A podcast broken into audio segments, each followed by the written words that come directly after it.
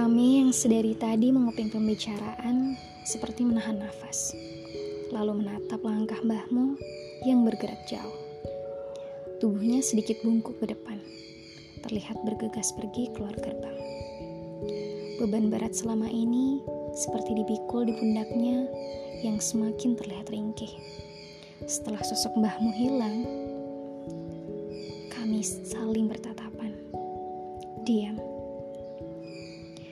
Mbak Di masuk ke kantor pondok dengan wajah bingung, antara sedih, kaget, dan bingung menjadi satu. Bahmu gak mau menerima uangnya, curhat Mbak Di. Sambil duduk bersandar di dinding. Lah jelas, itu sudah nazarnya mbahmu, jadi gak mungkin mau menerima. Celetuk Mbak Atul yang tiba-tiba datang dan ikut duduk berkerumun di kantor. Mbak Atul adalah santri senior Hampir 10 tahun dia nyantri sekaligus mengabdi di pesantren ini.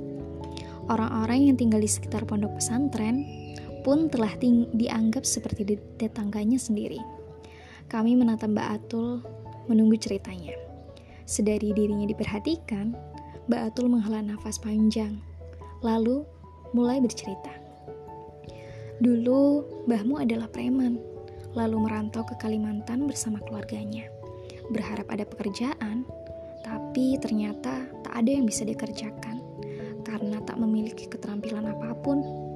Akhirnya beliau memilih pulang ke Jawa, tapi keluarganya menetap di Kalimantan. Di Jawa ternyata masih sama. Beliau kembali menjadi preman. Beneran jadi preman? Lucy kaget mendengar cerita Mbak Atul. Iya, cerita Mbak nih yang tinggal dekat musola mbahmu begitu. Jawab Mbak Atul sambil menarik nafas panjang. Saat itu, Mbah Yai sering jalan-jalan ke terminal, berbincang banyak hal dengan para preman dan orang-orang di sana. Saling menyapa dan berbahasa basi. Konon katanya, semua preman di terminal sungkan dengan Mbah Yai, termasuk Mbahmu. Dan saat itu Mbahmu seolah menemukan jalan hidayah lewat Mbah Yai. Begitulah bertobatnya, bertobat adalah pilihan. Nazarnya apa? Tanyaku menyela, tak sabar dengan cerita Mbak Atol. Sebentar toh, terlanjutin dulu. Setelah tobat dan mencari pekerjaan yang lebih baik, Bahmu kembali ke Kalimantan. Ternyata kesetiaan istrinya tak lagi berpihak kepadanya. Telah memiliki suami lagi, tanpa pernah bertanya atau meminta pendapat kepadanya karena memang puluhan tahun Bahmu tak memberi kabar dan lalai dari tanggung jawab. Lahir dan batin kepada keluarganya. Akhirnya Mbahmu kembali ke Jawa. Nazarnya, tanya Mbak Di penasaran. Nazar Mbahmu sederhana. Membersihkan piring-piring kotor sebagai salah satu cara membersihkan dosa-dosa di masa lalu. Kotoran yang menempel seperti dosa-dosa yang melekat di hatinya, yaitu piring. Mbahmu bernazar tak mau menerima upah hasil mencuci piring. Jika dipaksa, maka dia akan memberikan kepada anak yatim piatu.